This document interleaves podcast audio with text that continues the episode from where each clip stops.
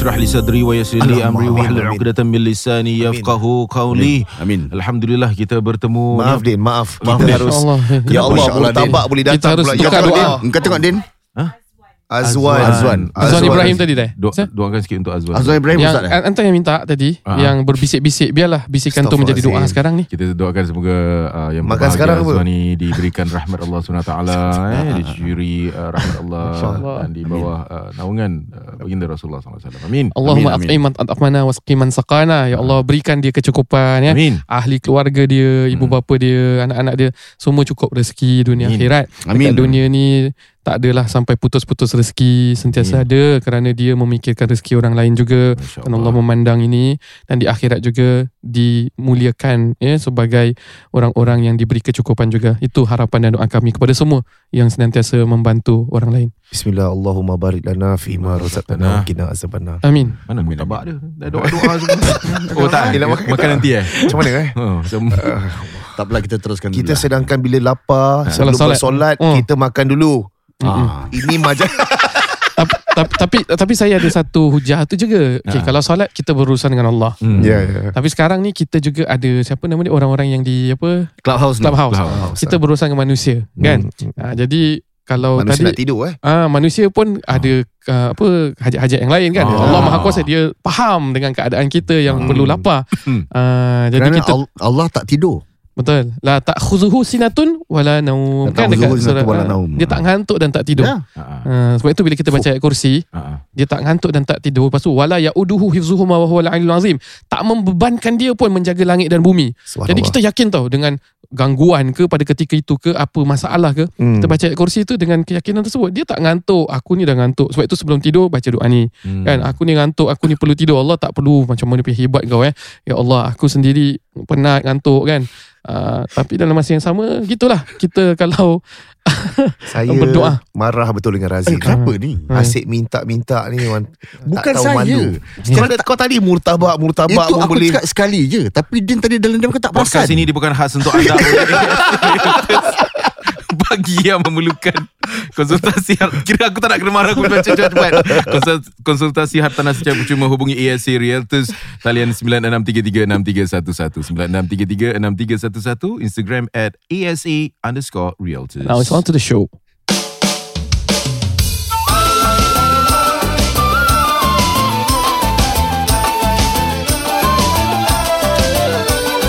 Jangan segan dan malu Marilah pendengar NGU Ajak kawan-kawanmu menjadi pendengar berilmu Jangan segan dan malu, marilah pendengar NGU Ajak kawan-kawanmu menjadi pendengar berilmu Lai, lai, lai, lai, lai, lai, lai, lai, lai, lai, lai, lai, lai,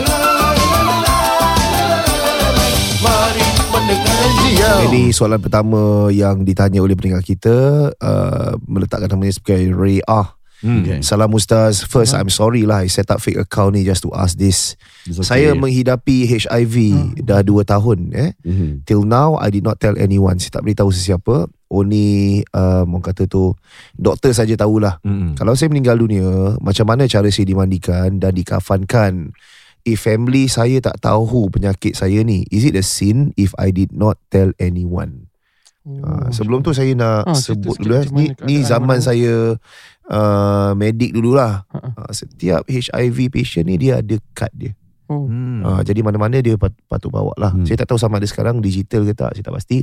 Tapi uh, bila ambulance datang untuk treat them, normally they will identify themselves as a HIV patient. Hmm. Sebab ialah kita bawa barang-barang yang digunakan untuk patient lain dan sebagainya kan. Hmm. Jadi kita pun akan double glove dan lagi kalau berurusan dengan needles dan sebagainya, dispose tu uh, yang betul-betul lah. Uh, jadi identification tu. Saya, saya tak tahu sama ada bila mereka meninggal, uh, lazimnya these records will ada kan dekat Hmm. hospital and uh, adakah doktor akan memberitahu kepada keluarga uh, dan you know menceritakan Hmm. uh, arwah ni merupakan seorang patient HIV dan untuk pengetahuan semualah. Mungkin akan diberitahu. Saya tak tahu. Um, part ni, protokol ni saya tak pasti Hmm. uh, dari sudut dikafankan dan semuanya kalau dia choose to you know keep uh, this a secret. Hmm. Tapi kalau ustaz tak tahu kan tak apa-apa bukan bukan jurusan ustaz. Um, Hmm. Betul. Uh, daripada segi hukum secara langsung tu kita tak nak ingin apa uh, memberikan hukum eh.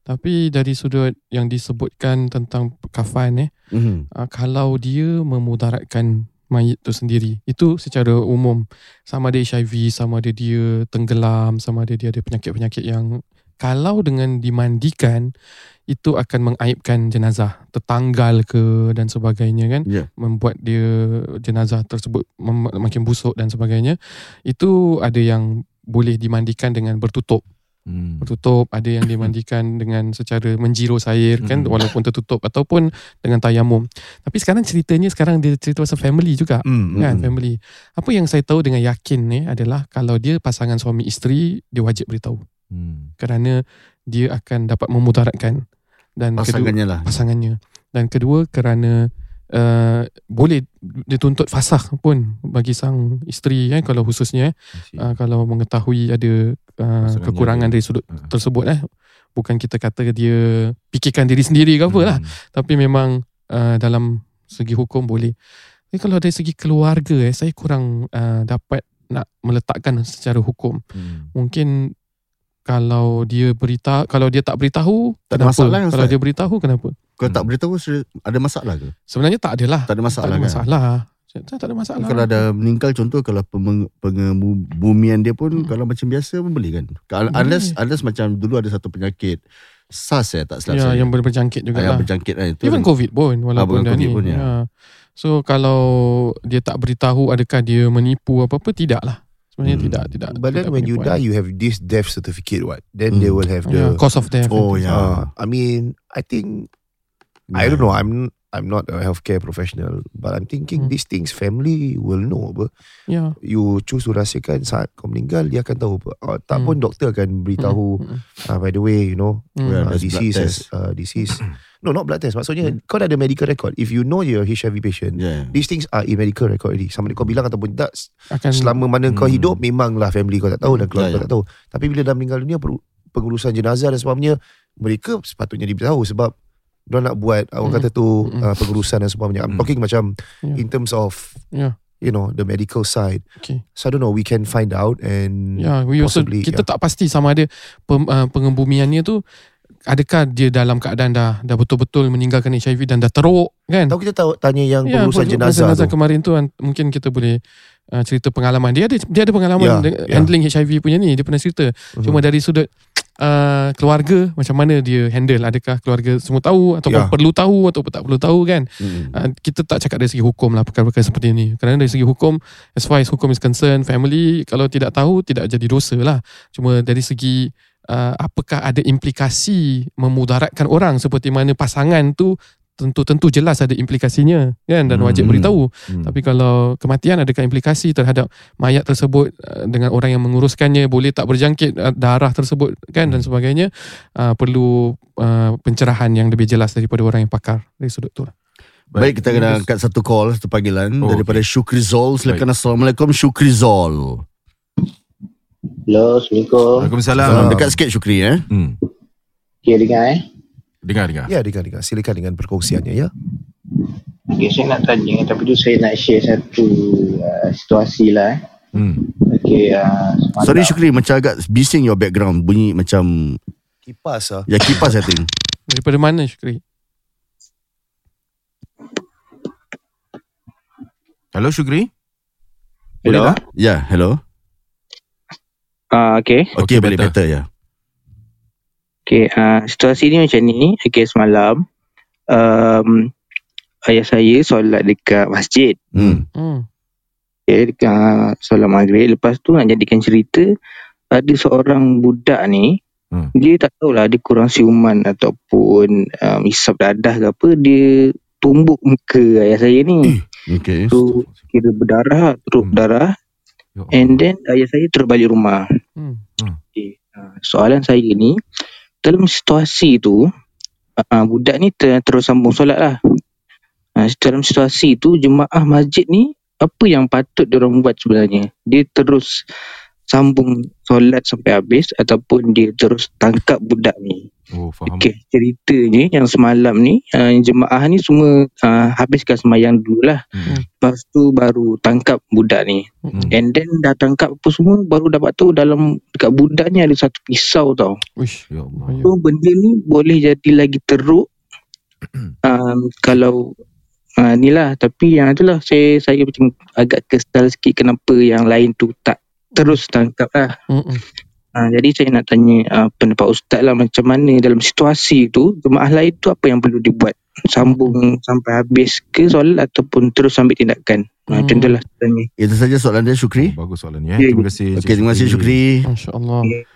Pada zaman Sayyidina Umar bin Khattab menjadi imam Hmm. pada solat subuh yang membawa kepada kematiannya, ada seorang yang namanya Abu Lu'lu', orang Majusi. Dia dia konon-konon jadi orang beriman yang solat bersama. Kemudian dia mengambil sabit dan men, ber, ber- menyabit Sayyidina Umar bin Khattab Hmm. uh, sab'a tu'anat ihdahunna tahta surati itu hadisnya itu tu sirahnya. Tujuh kali sabitan dan sebagainya. Kemudian sahabat-sahabat berhenti. Hmm. Sahabat-sahabat berhenti dari solat. Mhm. Sayyidina Umar menyatakan teruskan teruskan solat. Teruskan solat. Uh, kerana dia masih nak tahan. Dia kata yang lain teruskan solat. Cuma orang yang attend to him aja kan. Hmm. Baik. Uh, daripada peristiwa ini walaupun dia tidak sama kerana ini hanya tumbukan kan tapi Hmm. dia boleh membawa kepada Mudarat lah. mudarat Hmm. kerana kita tak tahu dia ada pisau Hmm. dan saya yakin para, para jemaah yang ada pada ketika itu kalau dia tahu ada pisau pasti mereka akan bertindak berbeza kan Hmm. berbeza mungkin dia lari terus pun ada juga eh Hmm. tak semestinya dia stop. Hmm. Uh, tapi kalau kita kata tentang apakah yang wajar nak dilakukan, uh, itu case to case basis, ikut kebiasaan tempat tu juga kan. Hmm. Pasal tak pernah-pernah tiba-tiba ada orang tumbuk. Jadi orang pun kadang-kadang tak tahu nak react. Hmm. Uh, so it's not a matter of hukum. Cuma kalau orang kata boleh tak seseorang tu berhenti dari solatnya apa membantu. untuk uh, untuk menyelesaikan sesuatu yang dilihat sebagai keganasan yang Hmm. berlaku Hmm. kan kecederaan yang berlaku yang sa- sa- sama ada dia boleh membawa kepada kemudaratan seperti membunuh ataupun kecederaan yang parah dengan pisau ataupun hanya sekadar orang tolak-tolak ataupun orang curi pun for that matter Hmm. barang jawapannya boleh Hmm. jawapannya boleh jadi kalau kita dah tahu sedemikian dah dengar macam ni podcast kemudian ada kat masjid kita nampak ada budak-budak bergaduh bergasak kalau kita rasa nak berhenti kan dengan niat takut-takut dia boleh membawa kepada mudarat yang lebih besar Betul. itu dibolehkan Hmm. itu dibolehkan itu yang kita nak katakan tapi kalau pada ketika itu mungkin kalau you macam mana ada nampak ada satu orang tumbuk satu pakcik Hmm. you tengah solat Ya. mungkin you perasan bunyi tumbukan atau mungkin you ingat segenap aja kan Hmm. atau kita tak tahu kekecohan pada ketika itu dia macam pekik-pekik ke apa kan ya. Hmm. ha, jadi kita nak cakap para jemaah tu mungkin pada ketika itu dia tak tahu nak bertindak Yang Tapi paling nampak adalah orang yang bersebelahan Sebelah. lah. Ah, bersebelahan. Oh, tu paling ya dekat kan. tapi kalau dia kat sebelah bertepuk dia anu lepas tu budak tu solat dia pun Oh, ingat kan eh. kalau aku stop apa jadi kan dah, dah habis pun kan Hmm. Kalau saya, saya Ah. berhenti, saya akan tangkap budak tu Ustaz. ya pada man- ketika tu tapi budak tu solat Kan? Dia, dia tumbuk oh dulu. tak tak tapi dia pakcik tu tumbuk. yang terus solat tapi dia dah tumbuk Dan Ya. tumbuk tu he has to be I don't know I'll be Ya. I'll be restraining. Ah, ah, ya, boleh Ya, sustain kalau him. kalau Call police. kalau begitu boleh dia berhenti solat Hmm. Ah, tentu saja boleh mendahulukan perkara tersebut Jadi as an extension tu soalan ni, Hmm. saya pernah nampak satu video di Indonesia, beberapa video di Indonesia. Hmm. Waktu gempa bumi berlaku Oh. dan beberapa jemaah dan juga imam masjid sedang bersolat. Hmm.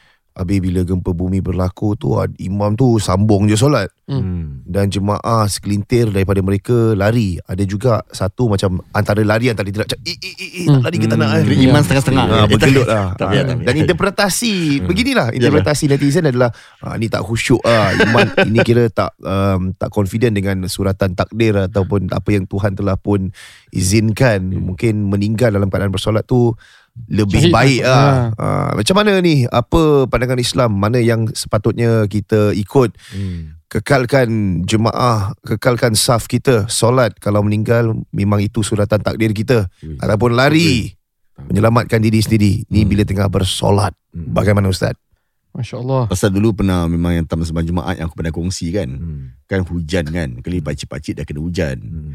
Ada satu pakcik je stay. Yang pakcik lain semua jalan.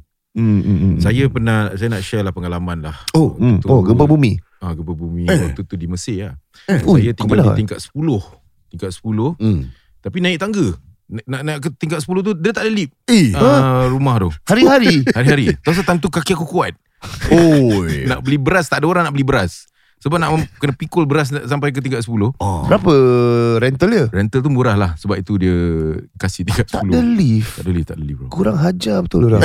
Betul Mana boleh kurang ajar Ni kena nak belajar atas sauk Jadi time tu Kita tengah solat Zuhur eh. Tengah solat Zuhur Aku Ah. lima orang Habis Ah. Tapi kira member jadi imam kan Tapi tengah solat Kali gempa Oh, nampak. the, the, the whole house bergerak Oi. Semua cabut Dah tak ada fikir pasal nak khusyuk bagai Yelah memang semua Semua nak Yalah. turun Nak turun macam Because that situation Macam kita nak selamatkan diri apa Ya, ya, ya. Khusyuk adalah satu Kalau macam Yelah itu Tapi Secara naturalnya Siapa mesti bro Macam, Ya, ya, ya. oh, Tapi time tu aku Time tu adalah Iman waktu Berada di masjid tu Iman aku tinggi waktu tu Hmm, Ya. Iman adalah mutiara. Mutiara waktu tu eh Nuzan pun kalah Eh tak ada Maafkan saya Ustaz Gurau Tapi blood reality kan Macam secara naturalnya Macam Eh bangunan kau bayangkan Kalau dia jatuh Collapse Habis ke apa timbus. Ah, sih. Habis tau Jadi kita aku rasa Aku tak tahu lah Kalau kita gerak Untuk menyelamatkan diri pun Satu hal yang Tak salah. Baik tak salah apa Macam Kalau kau Hmm. stay Adakah itu dah Dah consider like Tahu benda Suicide tu Is it ah, suicide Is it that way Ataupun Yeah, ataupun satu actually hal? that's yeah.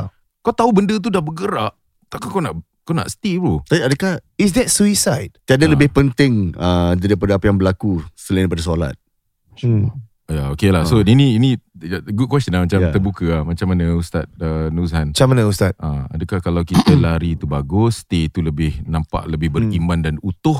Mungkin aku boleh kongsi sedikit cerita juga Time tu Ah. aku tengah Bro, dia, sorry eh, dia punya gerak dia, dia macam kau tahu dia macam oh, macam one, two, a few seconds lah. Tapi kita tahu Aku tengah fikir flat dekat situ dia dia tak adalah macam Jepun. Jepun dia ada dia ada structure dia macam Ya, ya, ya. ada like spring punya Ya, ya, tu. ya, Yang ya, itu bangsa batu-batu-batu tau. Dia kalau collapse collapse gitu tau. Tahu, tahu. Ya, so kita, aku dah fikir Tapi macam tak eh, runtuh ah. tak runtuh ada macam alhamdulillah tak lah. Ha, Ha. Tapi kita dah berlari lah kat bawah kan Hmm. untuk selamatkan diri. So I think tak tahu. Tak aku teringat cerita aku lah Sorry apa apa cerita pun kau teringat nak masuk apa? Pasal dulu aku ada dekat peninsula kan Hmm. Dekat peninsula nak tempat solat Dia dekat kapak bawah tu Hmm. Ya. Dekat tepi tangga tu Hmm. Ada macam tempat solat sempit sikit lah Ya ya. Hmm. Jadi aku pun nak solat asar tam tu Hmm. Jadi aku dah nampak dia macam Lima nampak cik tau Hmm. Okay. Dia macam ada yang bangsa India Muslim Hmm. Ada Pakistani ha, Ada kedai-kedai dekat peninsula kan Hmm. Hmm. So okay lah semua tu Janggut lah. berinai. Ah janggut-janggut ada yang janggut Ya. berinai. Hmm. Jadi bila uh, yang satu ni yang berjanggut juga ni, Hmm. dia cakap aku cakap silakan silakan imam imam. Hmm. Oh, iqamah iqamah dia gitu lah. Hmm. hmm, Bila aku aku komat lah. Hmm. Allah Allah Allah. Dah habis komat kan. Hmm. So masuk ah, masuk. Okay so semua jemaah hmm. jemaah asar. Ya. Tengah solat solat aku dah tak khusyuk. Hmm. Hmm. Pasal aku nampak ada satu lipas kat depan Gitu tau Hmm. Terus aku macam Astagfirullahaladzim Astagfirullahaladzim Astagfirullahaladzim Astagfirullahaladzim Aku macam Astagfirullahaladzim Astagfirullahaladzim Tapi yang lain semua khusyuk tau Ya, ya, Aku ya. macam Eh takkan aku seorang eh Kali Tunggu tunggu tunggu tunggu tunggu Dah, dah ke depan lagi sikit Ya, ya, ya. Kali Tunggu tunggu tunggu Sampai dekat tempat imam Hmm. Imam macam Allah. Imam cabut. Oh imam tu macam Imam cabut. Semua cabut. Buang lipas tu dulu Sembayang lagi Ah. Oh, tapi sembahyang balik lah. Sembayang balik lah. Okay. So aku aku ada high expectation dengan orang bro. Ah, yalah, mesti dia macam oh, mesti high level. Oh, tapi lipas boleh mengganggu orang boleh lari. Ni, ni contoh yang baik eh. Ni contoh yang baik. Pasal saya teringat eh, peristiwa di zaman Rasul sallallahu alaihi wasallam. Eh. alaihi wasallam. Dalam kitab-kitab seperti Bidayah wa Nihayah cerita zaman tabi'in, ada yang mana mereka solat, kemudian anak panah terkena, Hmm. mereka terus teruskan solat. Ada cerita di mana orang itu dalam keadaan terkena anak panah juga riwayat yang lain, kemudian memang perlu nak merawat tu perlu potong kaki dia pasal dia memang ada penyakit yang hmm. anak panah tu ada bisa dia ada Ya, racun dia. ya. Dan dia kata waktu aku tengah solat kau potong. Hmm. Jadi ini cerita-cerita yang memang bersumberkan daripada riwayat yang betul eh. Betul. Di sini ulama menyatakan bahawa kalau seseorang itu ada gempa bumi ataupun ada keadaan yang bahaya pun Hmm. dan dia meneruskan solat tidaklah menjadi satu orang kata dosa ataupun hantar nyawa kan Hmm, hmm. untuk untuk dia teruskan Hmm. tetapi itu dianggap sebagai hukum dalam usul fiqh hukum azimah Hmm. manakala kalau dia menyelamatkan dirinya dalam gempa bumi Hmm. lipas ke apa kan ketika walaupun solat lah. ketika solat ni ya. semua dalam konteks ketika solat Hmm. Ya. itu seolah-olah dia mengambil satu rukhsah kerana ada satu peristiwa di mana seorang pernah Musailamah pernah tanya eh dengan seorang ni siapakah Muhammad orang tu cakap dia Rasulullah pap terus dibunuh Lepas tu dia cakap dengan orang kedua Taruh ah, ni ada tiga orang kat depan saya eh. Hmm. Saya tanya Siapa tu Muhammad? Tu Razi kata Dia Rasulullah. Terus pam dia pancung. But before that Razi dah nampak My friend dah kena Tak pancung lah. you are the first. Oh I'm the You're first, dulu, oh, eh. Okay. Lepas tu pergi kat Zar. Okay Zar Siapakah Muhammad? Lepas tu Zar pun cakap ah, Dia Rasulullah. Pap kena pancung. Hmm. Lepas tu yang ketiga Hmm. Siapa Muhammad? Ah, Aku ni tak dengar dia, dia action Dia action tak dengar dia pekat Dia nak Dia tak nak kena bunuh lah. Hmm. ah, Jadi Yang kedua Walaupun Orang yang first Okay dia settle lah Dia tak tahu apa cerita. Hmm. Selamat Razi eh. Yang second Punya orang Bila dia cakap Rasulullah Adakah dia mengapa Menghantar Hantar nyawanya nyawa. Tidak Walaupun dia tahu konsekuensinya adalah Dia akan dipancung Kalau dia tetap jawab sedemikian Tapi demi mempertahankan iman Demi solat dan sebagainya kan Hmm. Itu tak dikira hantar nyawa Tapi Right. kalau orang ketiga Hmm. Dia elak dengan helah Hmm. Itu pun Nabi sebutkan Tak jadi masalah Ya.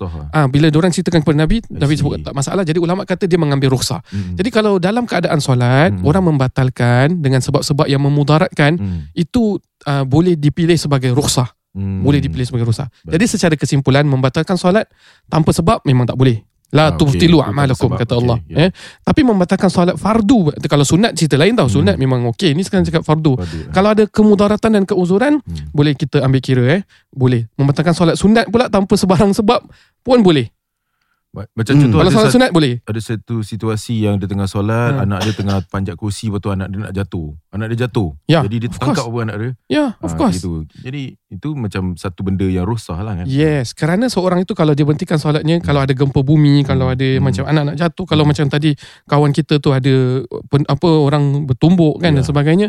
Dalam segi maqasid syariat, maksud higher objektif daripada segala pensyariatan itu, perkataan Nabi sebut la darar wala dirar, tiada Hmm. mudarat dan sebagainya, Betul. keadaan gempa bumi ke apa sama, fardunya juga tu adalah menyelamatkan uh, nyawa seseorang. Hmm. Ah, itu adalah satu ke keutamaan. apa. Ni lipas macam mana Ustaz? Lipas. Dia kategori apa ni? Dia boleh jadi kategori uh, terkeluar suara. Rusyah Oh tapi Rukhsah, ini kira kira rukhsah. dah tak dah tak ni lah kan. Dah Tak kusyuk dah tak lah khusyuk. Ya. Kena masuk walaupun kain ke ya apa. walaupun bukan hidup dan mati punya benda Ya. tapi dia menjejas juga lah kan. Hmm. Menjejas Menjejas kekhusyukan Kena lah. lepas naik tengkuk Ah. bukan sujud. menjejas kehusyukan saja dia Hmm. menjejas sahnya semayang walaupun Ah. dia bukan najis Oh betul lah. tapi kau lipas masuk kain Hmm. dalam Ui. kain tak pakai apa-apa you tak terperanjat kat situ Betul, betul. Oh Betul, Ah, betul. kan Ya. jadi boleh lah batalkan tu ada sebab-sebab lah Okey. ada sebab-sebab ya Kita teruskan dengan soalan seterusnya ataupun bagaimana? Ada masa Abu lagi? Zar. Baik selaku uh, eh? moderator Oh, oh, oh. forum pada hari ini kita akan berehat seketika Ya, Eh? bersama habis dengan ah, dah Oh, sudah, ya, sudah. kita bersama dengan uh, teman-teman penaja sejurus lepas ini Hmm. dan teruskan uh, dengan soalan-soalan yang tak dapat dijawab Hmm. uh, boleh disimpan soalannya dan boleh diletakkan menerusi komen pada minggu akan datang nanti insya-Allah. Ya, ya, Uh, insyaAllah. dan bagi mereka yang ada di sini sehingga kita berjumpa lagi jangan ke mana-mana. Kita bersama dengan teman-teman penaja daripada ASA Realtors. Silakan. Jadi bagaimana Ustaz? Podcast NJU akan kembali selepas ini sana syuaya ma'ana Podcast ini dibawakan khas Belanda oleh teman-teman kami daripada ASA Realtors. Bagi mereka yang memerlukan konsultasi hartanah secara percuma boleh hubungi ASA Realtors di talian 9633 6311 9633 6311. Dan juga boleh ikuti Instagram mereka ASA underscore realtors. Mhm. Masih lagi bersama dengan Ejen Syahid. Ya. Dan juga um, Tuti ya. yes saya Eh Ustaz Nuzan jangan lupa yang berbagai Ustaz Muhammad Nuzan pun ada di tengah-tengah. Ya, ya, ya. Mungkin orang tak perasan lah. eh, pasal kalau Ustaz Nuzan dah berbual tentang real estate, Hmm. takut um, banyak hadis yang telah pun dikupas. Ya, Sad. Ya. Macam tadi Sadul Zara'i uh, Dia afdal min jalbil manafi' Dia panjang Apa tau maksud dia? Dia menahan Ataupun uh, prevention Itu didahulukan dalam kaedah Daripada nak mendapat manfaat So instead of thinking How to apa Capitalize Instead of thinking to Macam mana have positive punya sales You have to think about Your apa uh, Negative sales dan sebagainya Hmm. Dan uh, untuk penambahan Saya lihat konsep daripada SA Realtors eh Hmm. uh, dan kepada pendengar-pendengar NJU kita pun alhamdulillah kerana mereka selalu kat IG pun kadang-kadang Hmm. mereka akan uh, tag kita dan sebagainya. Dia sebenarnya empowering them with knowledge lah. Hmm. Uh, dia walaupun dah berkali-kali uh, ada ada listener yang pergi kat saya juga dia dia kongsikan eh tentang macam mana cara SA ni. Dia orang tak dia orang tak macam dia orang punya matlamat adalah ah, ilmu macam Hmm. penyebar, penyebaran ilmu Hmm. supaya you make the right decision. Right. Lebih-lebih lagi kalau pasangan-pasangan saya yang baru first timer nak beli. Oh. Hmm. Ah baru first time nak beli. Kira hmm. orang baru berumah tangga. Hmm. Saya juga akan uh, panggil Ejen Syahid eh untuk sama-sama berikan penerangan kepada mereka supaya mereka ada uh, keputusan untuk mereka buat lah. Ha, Jadi kalau rumah yang baru eh macam Mhm. for couple yang first time Hmm. Mhm. buying eh, what would be your advice? Hmm. Okay, kalau first time buyers kan, I think uh, from our own experience and knowledge in this industry kan, Hmm. mungkin dulu kalau kita selalu dengar orang nak beli rumah, orang akan tengok dekat HDB saja. Hmm. Mungkin mentality kita, okay lah kita beli HDB je. Pasal Hmm. itu macam turun menurun lah. Mungkin Yeah, lah. yeah, yeah. Dan It's- juga it's- macam rasa dia mampu milik ah. Ah, correct. Oh, dahsyat. Mampu milik. Mindset, Yeah. mindset tu. Mindset Ya, yeah, correct. Mentality Oh, wise. Betul, it's yeah. true. Honestly, for me, sebelum uh, we enter the industry kan, kita Yeah. rasa rumah private ni macam far-fetched. Hmm. Oh, rumah private ni cuma untuk orang kaya je. Hmm. Tapi when you enter the industry, you see eh, it's about about planning. Hmm. Uh, you know how the system works. Kalau for example you nak beli rumah private, you know you need to know that you ada 5% cash, 20% CPF ke cash and then 75% you can leverage on loans and so on kan. Hmm. So ilmu tu yang kita rasa kita nak sampaikan kepada semua yang dengar ni. So when you want to buy your first house, you importantly of course like I said you engage either one of any one of us from ASA Realtors. Hmm. Again consultation dia tak lah tak ada apa-apa. It's free. Yeah. And no obligation Siapa yang pernah approach kita orang Kita tak ada apa-apa macam Oh lepas ni nak kena engage kita orang Tak Yeah. Kita semua nak sampaikan Kalau ada rezeki ada Kalau tak Memang at least kita dah sampaikan Ya. Ilmu Ada tu, bagus-bagus tu anggit je lah Apa nak fikir-fikir Tapi niat diorang ni memang nak menyampaikan saja. Oh dia terus tak nak Ikhlas keikhlasan hati. Sampaikanlah yang- walaupun sepotong ayat. Fuh Masya Allah Masya Allah. Allah. Fuh. Hati yang ikhlas tetap menghadap Tuhan. Apa ni? Nah ni cerita Pramli ya bro. Dia baru balik tu. Okay, baik. Ya ya sorry. Yeah so so from there Kita nak uh, Tell the listeners kan Ataupun kabilah uh, NGU ni Yang Yeah. Bila nak buat perancangan Nak beli rumah yang pertama tu Is always very important Because Yes. it's your first step Into Hmm. purchasing a property Dekat Singapore ni. Hmm. Because uh, there are clients yang mungkin Dia punya rezeki Dan ni semua rezeki masing-masing ah. Yeah. Pasal financial calculation cuma lain-lain kan Hmm. So kalau ada rezeki yang lebih Yang diberikan, dikurniakan Hmm. Kalau dia tak ada that knowledge Sayang Kerana Kalau orang boleh masuk Mungkin ah Sekarang ni orang tengah hype Pasal EC Hmm. Executive condo Yeah. Right So kalau they don't have the knowledge Mentality wise Diorang kata ni ah, tak ah Terlampau far-fetched Far-fetched for them But actually kalau kita buat kira-kira Eh dia is within their reach Is within their capability Even ada buffer semua Yang kita akan buat dia punya perkiraan lah Aha. So if let's say they miss that boat, sayang because orang mampu, orang boleh go for it but Betul. just that they don't have the knowledge and they feel that from hearsay benda-benda ni semua uh, it's not really based on real facts and figures and then orang miss that opportunity or they just skip that boat. Hmm. And then orang lain yang beli dah masuk alhamdulillah dah really profit from it. Right. Yeah, so that's where I think uh, we want to share yang itulah nak kena ada ilmu tu dahulu sebelum buat pembelian, get the consultation. So kalau macam you are talking about uh, EC eh, uh, Tuti, so we have a few EC coming in kan yang currently. Hmm. Yeah, um, there'll be two of it. Um, One is Coleman Grand that is in uh, Tengah itself, and then there's tengah dekat uh, near Bukit. Batuk Chocokang Yes, that that's right. area. yeah, it's a new estate lah basically. Okay. And then there's Tenet uh, that will be in Tampines. So we know that Tampines is a really hot area as well. So it is one of the uh, anticipated ECs that's coming up. Kenapa mindset orang-orang Melayu ni bila kata um, you beli EC ini apa ni? EC ke C? C ke EC? Ini C, Isi bukan EC. kulit lah. Tak- Huh? Itu lagu. Oh, lagu. isi atau kuku. Ya. Kulit. Isi atau kulit. Ah, ini C lah bukan EC lah. Hmm. Aku punya rumah C. Hmm. What's with EC and C? Hmm. Apa? Adakah EC lebih low class daripada C? EC lebih low class daripada kondo? Benda ni Tuhan tak tanya bila kau dah kat kubur. Oh, Hmm. Oh betul juga. Kubur tak ada ECC ni semua. Dia tak ada lima bilik, empat bilik. Semua studio. Dia tak ada, tak ada satu tempat. Ya, ya, ya, ya. Maafkan saya. I, I mean, I know. I mean, people have this kind of mindset. But if I, if People mana ni? bro, orang our community, bro, ada bro, Ada ke? ada. You know, when I when I come to the house, Hmm. Aha. aku tak tahu. Aku punya soalan Niat aku ikhlas lah Aku tak Ya. tahu This one Ni apa you, Ni kondo ke isi eh Hmm. Aku tertanya gitu Ya. Eh ni C eh Ni kondo eh Sorry eh Bukan isi Hmm. Tapi what's with Riak lah tu. What's I mean Sama apa Facility sama apa Yeah, I mean in terms of status, Yeah. uh, of course status dia in your title deed will be different lah. Satu condominium, satu Okay. executive condominium. Okay. So Yeah. executive condominium EC is a subsidized punya private property Ah. is being subsidized by government lah. Uh, so kalau you are talking about those kind of people, maybe lah, I wouldn't know. Tapi to be honest with you, facilities wise semua sama. Hmm. Yeah, yeah. In terms of kalau orang yang tak tahu, orang pergi development, dia tak tahu pun. That, macam you you asking ah, isi ke condo? Pasal dia tak tahu. Nah, orang tak tahu, that's Ah, why. Pasal dia nampak sama je. Dia facilities, everything is being done by private developer. Yes Dia punya finishing semua sikit lebih kurang. Ah. Ah, so it's just that in terms of status. Ya ya Ah, tapi yang tadi katakan lah status nak buat pergi mana kan. Yang penting kita dapat untung, kita dapat capitalize on Yeah. the uh, capital appreciation. That's the most important thing. Betul. Kalau you ada condo tapi your condo dengan isi isi ni perform better. Ya Isi ni dapat more capital gain. then siapa yang lagi uh, untung lah. Si ya lagi untung. Ha, eh, Yeah, tak juga. so that's the most important thing lah. Hmm. So, so tadi yang dekat apa Tampines tu eh, dekat kawasan mana tu tadi? Tenet, tenet. Tenant, tenant. Ha. Ha, tu Ya, tu kawasan kawasan. nantikan ah. Street 21 Yeah, bukan? yeah. Nantikan dengan penuh debaran. Eh. Dia antara dia antara Tampines dengan Pasir Ris.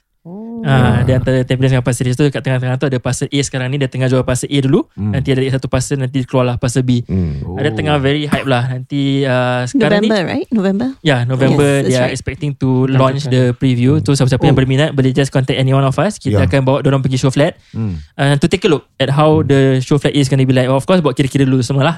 Uh, bila kita rasa okay, then kita will bring them and then from there baru dia nampak ah. So the next November launching. This This year. year. This is. Yeah. Dekat lah. This year November. Dah, eh. the launch lah. Kan dah launch dah boleh booking lah. Dia ya? boleh booking correct. Tapi dia macam BTO juga lah. Uh, so you nak kena tunggu 3 to 4 years for it to be ready lah. Tapi Ah. ah. deposit, let's say kalau kita tengok November Ha? dengan ejen Syahid lah eh, Aha. dengan uh, ASA Realtors. Kalau kita tengok, Hmm. kali kita dah berkenan satu unit, kena down dulu. Ah kena tak dia punya deposit lah. Dia Deposit. booking fee lah. So let's say kalau rumah tu harga macam let's say One mil. uh, uh, 4 bedder. 4 bedder berapa? Hmm.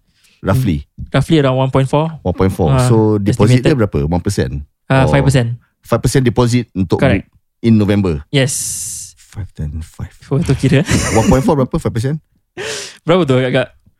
40 90K. 38. 67 plus lah. million. Eh, tak. Kiraan dah lari ya. Sisi bila aku terus beli ini GCB. Ya, And then- and then 70,000 subsequently lah. Berapa? 70 70,000. 70,000 So lah. subsequently after that bila yang the remaining uh, 15% tu dan sebagainya. Okay, executive condo ni there is a different class on its own tau. Dia very special sikit. It's for, diorang panggil for privilege class eh. Okay. Dan secara kiraan dia, dia ada dua. Dia ada benda ni panggil normal payment scheme, NPS dengan deferred payment scheme. Aha. So kalau orang ambil yang deferred payment scheme, diorang cuma bayar dia punya 5% plus 20% down payment tu. Lagi Okay. 75% ni semua nanti lah. Bila nak uh, dekat uh, ambil kunci baru kita start to kick in dia punya uh, loan and everything. Untuk loan eh. Okay. Yeah, so in terms of calculation, dia nak kena buat betul-betul. So importantly is to have the 5%. Hmm. Okay, the 5% is for you to have as a down payment as a booking fee lah.